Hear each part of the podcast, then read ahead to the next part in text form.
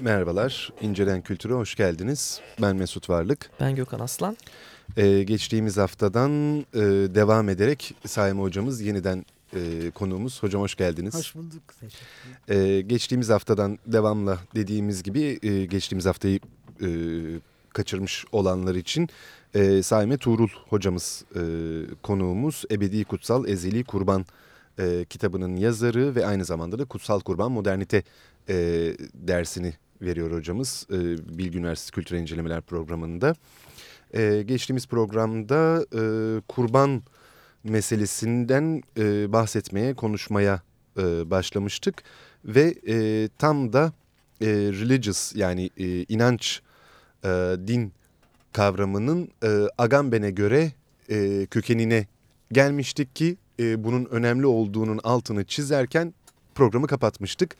E, dilerseniz hocam bu benzerlikten ayrışma e, ya doğru giden süreci evet. Süreci tekrar şey Şimdi yapalım. Şimdi geçen hafta tam orada kesildiğim zaten. Religere tanrıların dünyası dikkat edilmesi gereken. Dolayısıyla bizim dünyamızdan yani bizim dünyamız maddi dünya olarak tanımlanabileceğine göre maddi dünyadan farklı olan dünya demek. Onun için o dünyanın kurallarına geçerken hep dikkatli olmamız gerekir. Dikkatli olmanın da ve bu iki dünya aslında birbirine yabancı iki dünya olsa da aralarındaki geçiş mümkündür. Çünkü geçişi olmayan bir e, dünya mümkün değil. Yani tanrılarla insanların dünyası arasında. Ayrıca kutsallıkla profan arasında. Bu iki dünyayı mümkün kılan o ritüellerdir. Şimdi ritüellerin işte en başında o kutsallık alanından profan alanlar arasındaki ayrımı yahut da bağlantıyı sağlayan da işte kurbandır. Kurbanlık eylemi yahut da sacrifice eylemidir. Şimdi e, geçen haftaki konuşmamızda da başlamıştık. Bu kutsallığın doğrudan şiddetle ilişkisinden ve bu şiddetin de zaten gelmesinin aslında bir ayrıştırma, birleştirme, ayrıştırma eylemine bağlı olduğunu söyledik. Yani Religere'nin de işte açıkladığı gibi. Şimdi e, bizim kültürümüzde yani bütün daha doğrusu kültürlerde yeni bir düzenin kurulabilmesi için eski düzenin yıkılması yani bir kaos karışıklık düzeninden yeni bir düzenin çıkması gerekiyor. Bütün o, kültürlerin başlangıcındaki var olan hikayeler bunu anlatır. Bu yeni kültüre geçerken de bir şeyi bizden benzemeyeni bizi benzeyenleri ayırmak gerekir. Şimdi bütün arkaik toplumlarda e, bu işte şeyin René Girard'ın mimetizm krizi dediği krizlerin sonucunda aslında kurbanlık eylemi gerçekleşir. Bu mimetizm krizi zaten sadece arkaik toplumlara özgü değil hala modern toplum içerisinde de geçerli olan. Çünkü mimetizm dediğimiz şey doğrudan taklittir. Kültürlerinde başlangıcı zaten taklittir. Gabriel Tarde de yani kültürün BAB'sinin taklit olduğunu söyler. İçeridekiler içeride derken yani kendi içinde kapalı olanlar dışarıdakileri daha açık olanları taklit etmeye başlar. Ama bu taklit tabii birebir bir taklit değildir. Bu kendi içerisinde dönüşerek başka bir şeye dönüşür. O ise taklit edilen başka bir şeydir artık. Bir tür çeviri eylemidir Bir tür çeviridir. Evet aynen. Şimdi bunun içerisinde e, benze, benzerlik çünkü aynılık çok önemli. Yani bizi birbirimize bağlayan hala bugün bile modern kültür içerisinde bile bizi birbirimize bağlayan benzerler olarak biz grupları oluşturuyoruz.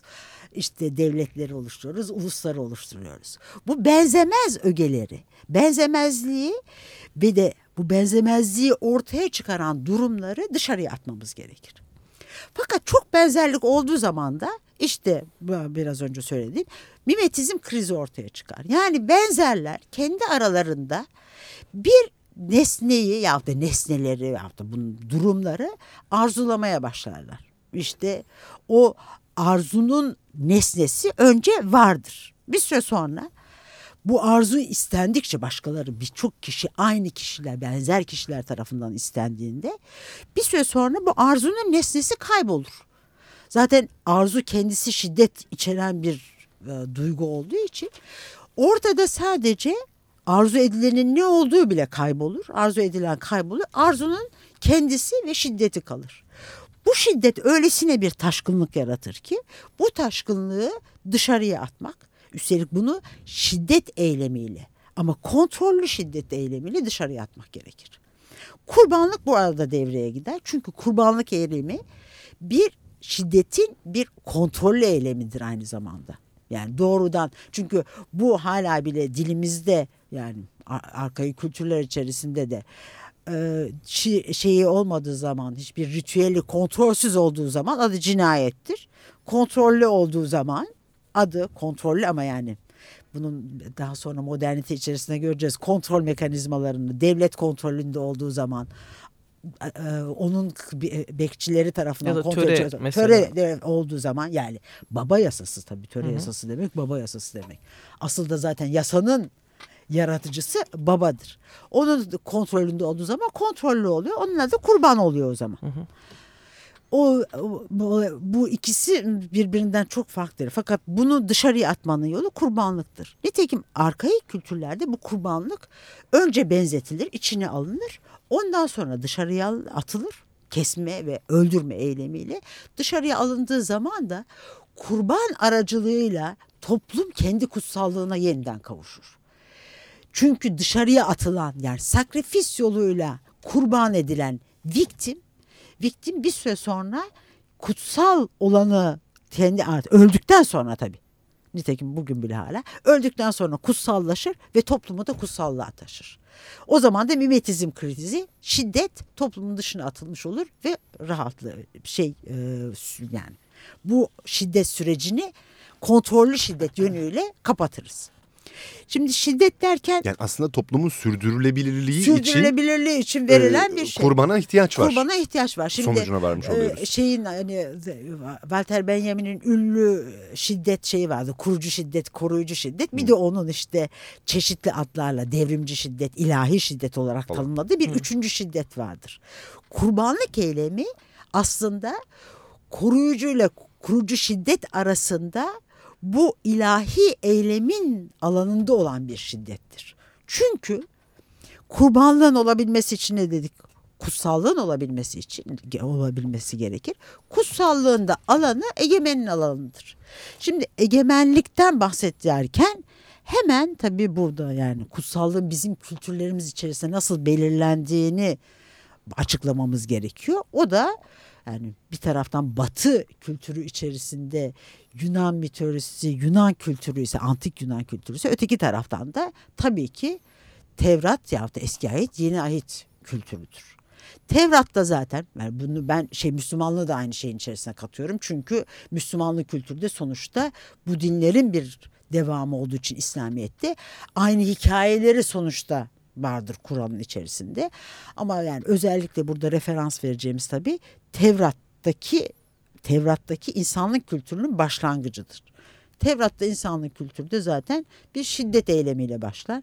İşte burada ayrıntılarına girmeyeceğim meraklı olanlar maalesef zamanımız yok. Habil ve Kabil'in öldürme hikayesidir. Habil ve Kabil kardeştirler. Yani birbirlerinin en benzeyenlerdir. Bunların ayrışması Ayrışması. gerekir. Birisi diğerini öldürür. Dolayısıyla o bizim Freud'un baba cinayetinden de çok farklı değildir. Fratri cinayetidir. Bu en daha sonra öldürmeyecek senin kardeş yasakları. Katlı. Kardeş katli yani bunlar en büyük yasaklardır kültürümüz içerisinde. Moral yasaklardır. Bunun içerisinde öldürdüğü zaman Tanrı cezalandırmaz Kabil'i. Tanrı tam tersi seni intikam sürecindekilere karşı ben koruyacağım der. Aslında bu öldürme eylemi bir şekilde şiddeti kontrol altında tutmaktır. Bunun ucu açık. Tamamen daha sonra intikam işte kan davasına dönüşecek o vandetta sürecini durdurur Tanrı. Ve kültürümüzde bizim şiddet eylemiyle başlar ama bir vandetta süreci değildir. Bu süreçte başladığımız zaman şimdi Tanrı egemenliği dedik. Yani bu şey dünya içerisinde oraya gelmek gerekir. Yeni kutsallığın Tevrat kültürü içerisinde. Tek tanrılı dinlerin tabii çok büyük bir özelliği var. Bu tanrı sadece tek olmakla değil, tek olmakla kalmıyor. Aynı zamanda yaratıcı tanrı ve de hiçlikten gelen tanrı. Ex nihilo bir tanrıdır. Tanrı hiçbir yerde değildir.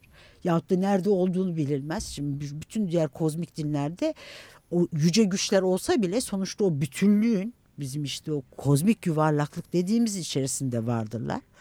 Bir işkinlik içerisindedir. Aynı işkinliği paylaşırlar. Tabii işte Antik Yunan'da Antik, Olimpos Dağı'ndadır. Tabii Olimpos Dağı'nda ve habire insan işlerine karışırlar. Tabii. Gerçi evet. Tevrat'ın tanrısı da habire karışır da.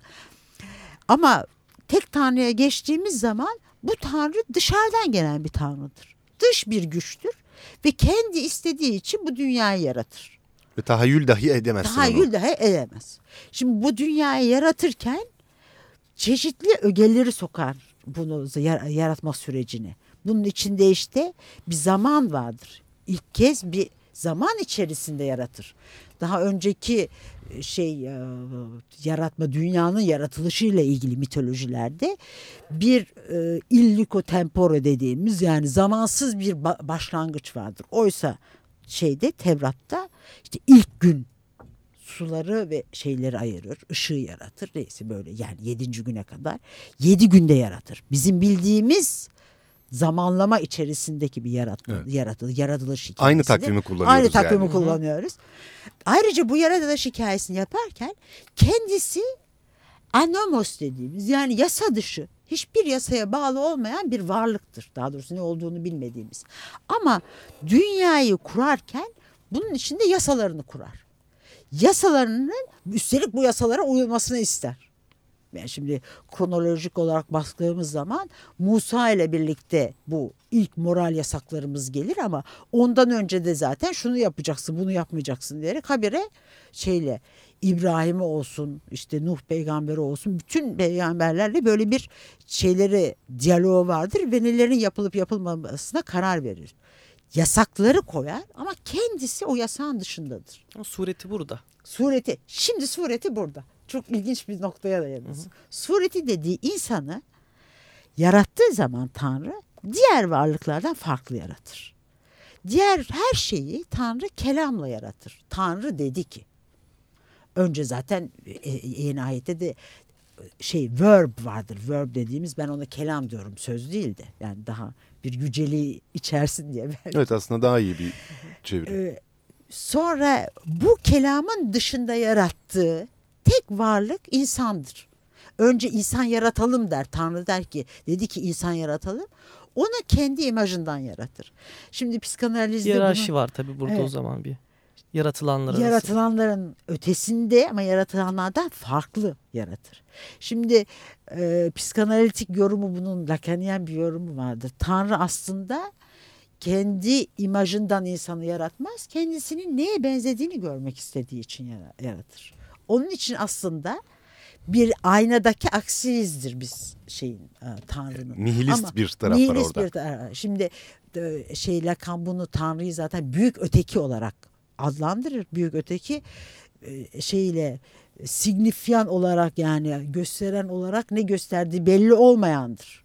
Ama akis olarak insan Tanrı'nın yerini almaya başladığı zaman yani bir araya yanılsama sonuçta kendisi olmayan Tanrı'nın yerini de zaten bir süre sonra alacaktır. O da tabii Hristiyanlıkla mümkün olan İslam'da bir şey. da subite sıfatları paylaşıyoruz zaten. Evet çünkü Zatı... İslamiyet'te zaten Tanrı kelamıyla var olduğu için yani İslamiyet'te ve Tevrat'ta da nedir? Aradaki sıfatlarıyla vardır. Hı hı. Şeyleriyle kendisi, kendi varlığı zaten temsil edilemez bir varlıktır. Ama bunun da şöyle bir aradaki farkı var. Tevrat'ta kelamla Tanrı aynı şey değildir. Yani ağzından çıkanla söylediğiyle kendi varlığı aynı yerde değildir. Oysa Müslümanlıkta tabii bu biraz daha farklı bir yer alıyor. Hristiyanlıkta tamamen farklı. Tabii ki Tanrı bizzat başka şekilde kendini cismanileştirebiliyor. Bu tabii yani gene psikanalitik yoruma girecek olursak refulmanın yani bilinç dışının ortaya çıkmasını sağlayan bir şeydir. Kelamda siz aynı yerde olmadığınız zaman refule edebileceğiniz yani bilincinizin dışında başka bir varlığı da içinde tutabiliyorsunuz demektir. Onun içinde zaten psikanalizin psikanalizin babasının bir Yahudi olması hiç şaşırtıcı olmadığı söylenir. Çünkü ancak onun içerisinde mümkün olan bir şey. Şimdi tabii birazcık konumuzun kıyısına kaydık ama gene de çok uzağında değiliz. Böylesine dışarıdan olan bir tanrı kendi imajını yaptı, kendi aksini yarattığı zaman ona bir takım yetkiler verir.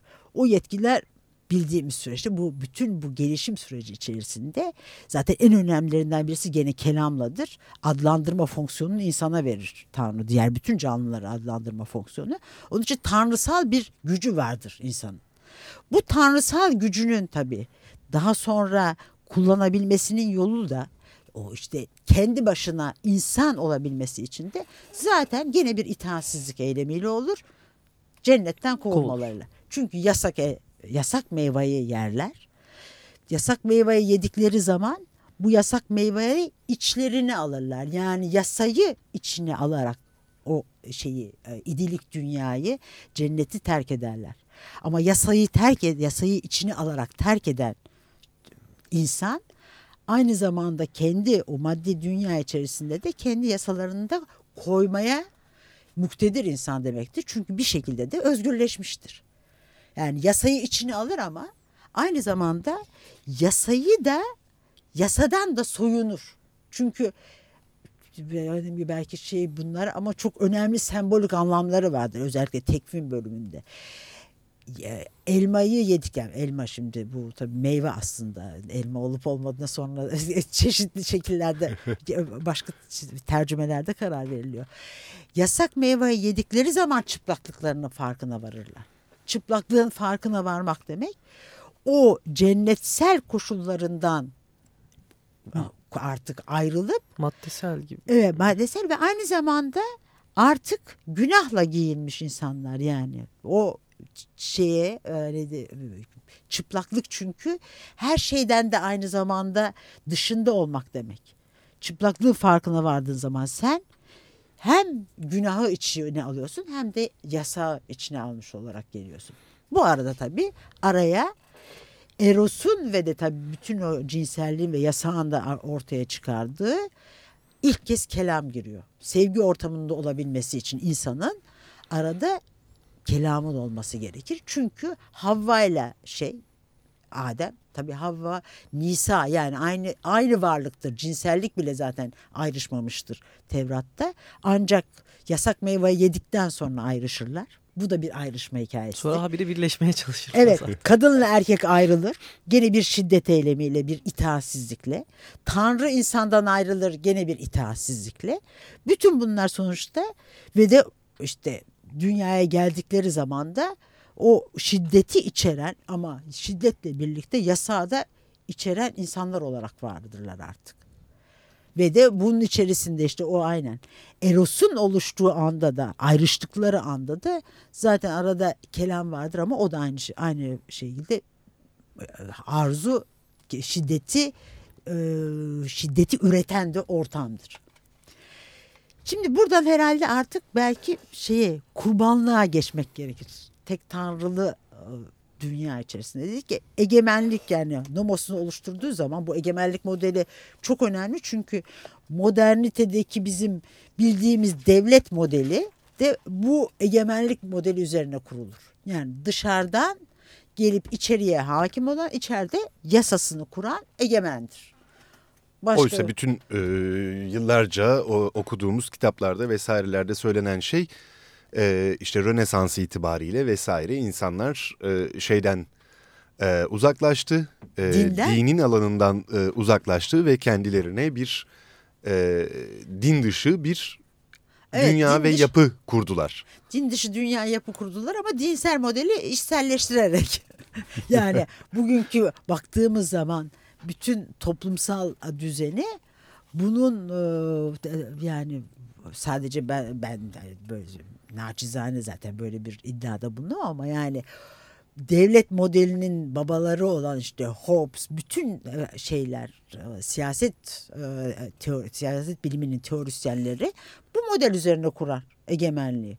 Carl Schmitt ve de şey bütün der zaten seküler dünyanın kavram şey kavramları aslında teolojik kökenleri vardır der. Yani Adem nasıl elmayı yiyerek e, yasayı içselleştirip evet. kendi yasa koyar hale geldiyse aslında evet, modern insanda modern insanda aslında ki bunu içselleştirerek üstelik tabii başka bir şey daha var. Bizde e, yani Hobbes'un şeyinde düşündüğümüz zaman devletin ortaya çıkabilmesi için biz kendimiz bizzat bireyler olarak şiddeti kullanmaktan vazgeçip bunu kendi aramızda bir kontrat yaparak egemene karşı değil de bunu bir üçüncü kişiye devrederiz. Ama o zaman da işte kendi doğal haklarından vazgeçiyorsun. Aynen Adem'in yaptığı gibi yani o eden koşullarından kendi başına her, her şeyin hazır olduğu dünyadan vazgeçiyorsun.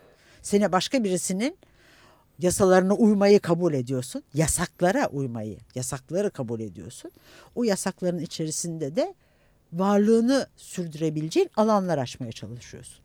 Şimdi gene bu yasakların olduğu dünya içerisinde de bu anlamda kutsallık kaybolmuyor. Tek tanrılı dinin getirdiği o kutsal alanda nedir? Tanrı'ya gene yani bir tek tanrı için verilen kutsal eylemler söz konusudur. Bu kutsal eylemlerde de işte e, Tanrı'nın dünyasının e, bu ampirinin içerisinde bir takım fedakarlık, can bağışlama, da can bağışlama yani her türlü fedakarlık zaten Hristiyanlık içerisinde bu çok daha açık bir şekilde ortaya çıkar da püritenlik ve asetik e, kurallar gelişir.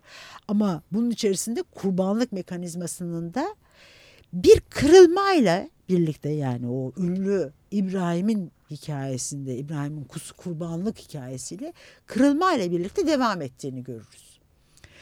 Şimdi e, zaten Kurban Bayramı da yeni geçtiği için bu belki bilmiyorum zamanımız varsa bu kurban... Zamanımız aslında e, bitmek üzere. üzere. Yani Bitmek. son bir dakikanın e, içerisindeyiz. E, bir dakikanın içerisinde Zannediyorum e, önümüzdeki hafta sizi yeniden e, konuk alacağız ve Bizde Kurban Bayramı uzun sürdü. Biz evet de bizde uzun sürdü. Kurban Bayramı çünkü ancak yeni geliyoruz. Şey, Doyamadık. e, İbrahim'in kurbanlık hi- Daha hikayesini. evet. Ondan sonra da evet modernite içerisinde Geleceğiz kurbanlık daha. evet E, biz nedir ona geleceğiz Bayramda herhalde. programa girdiğimiz için tabii Evet bunu bitmek bilmiyor. Ya, Yani şimdi e, İbrahim'in kurbanlık hikayesinde orada bir kırılma söz konusudur. Çünkü insanlığın yani büyük olasılıkla zaten o gelişim sürecinde artık insan kurbanlığı bitmiştir. İnsanın kurban edilme eylemi. Onun için bir hayvanla ikame edilir. Ama bu gerçek bir ikame midir? Bunu herhalde önümüzdeki hafta Programda tartışmakta. İşte bu. yarar. İşte Tam bu. da bu. Tam da bu. Önümüzdeki Şey, hafta gizem e, de kattık çok evet, güzel oldu. evet, bayağı. Önümüzdeki hafta korkarım devlet bile kuracağız. Evet. Efendim bu hafta da e, İncelen Kültür'ün sonuna geldik. E, Saime Tuğrul hocamızı konuk aldık. E, ve önümüzdeki hafta e, kurban ve kutsallık meselesini konuşmaya devam edeceğiz. E, bu arada incelenkultur.gmail.com mail adresimizi ve Facebook sayfamızda iletişim için hatırlatmış olalım. Ve e, geçtiğimiz hafta unuttuğumuz e, gibi e, yapmayıp geçtiğimiz e, kurban bayramınız kutlu olsun diyelim. Evet, geç- geçmiş Kurban Bayramımız kutlu olsun. Mesut senin de kutlu olsun. Senin de Gökhan. Canlı Hocam sizin de. koyacaksın. evet. Bakın hepiniz de kutlu oldunuz. Kutlu nedir? Kutsallık. Kutsaldır. Tabii evet. işte. Gene evet. Dönüp dolaşıp yani bunca konuştuktan sonra yine de kutsallıktan Meğersem e, orada saklı. ayrılamıyoruz. Evet orada evet. O zaman önümüzdeki hafta yeniden görüşmek üzere. İyi günler. İyi günler.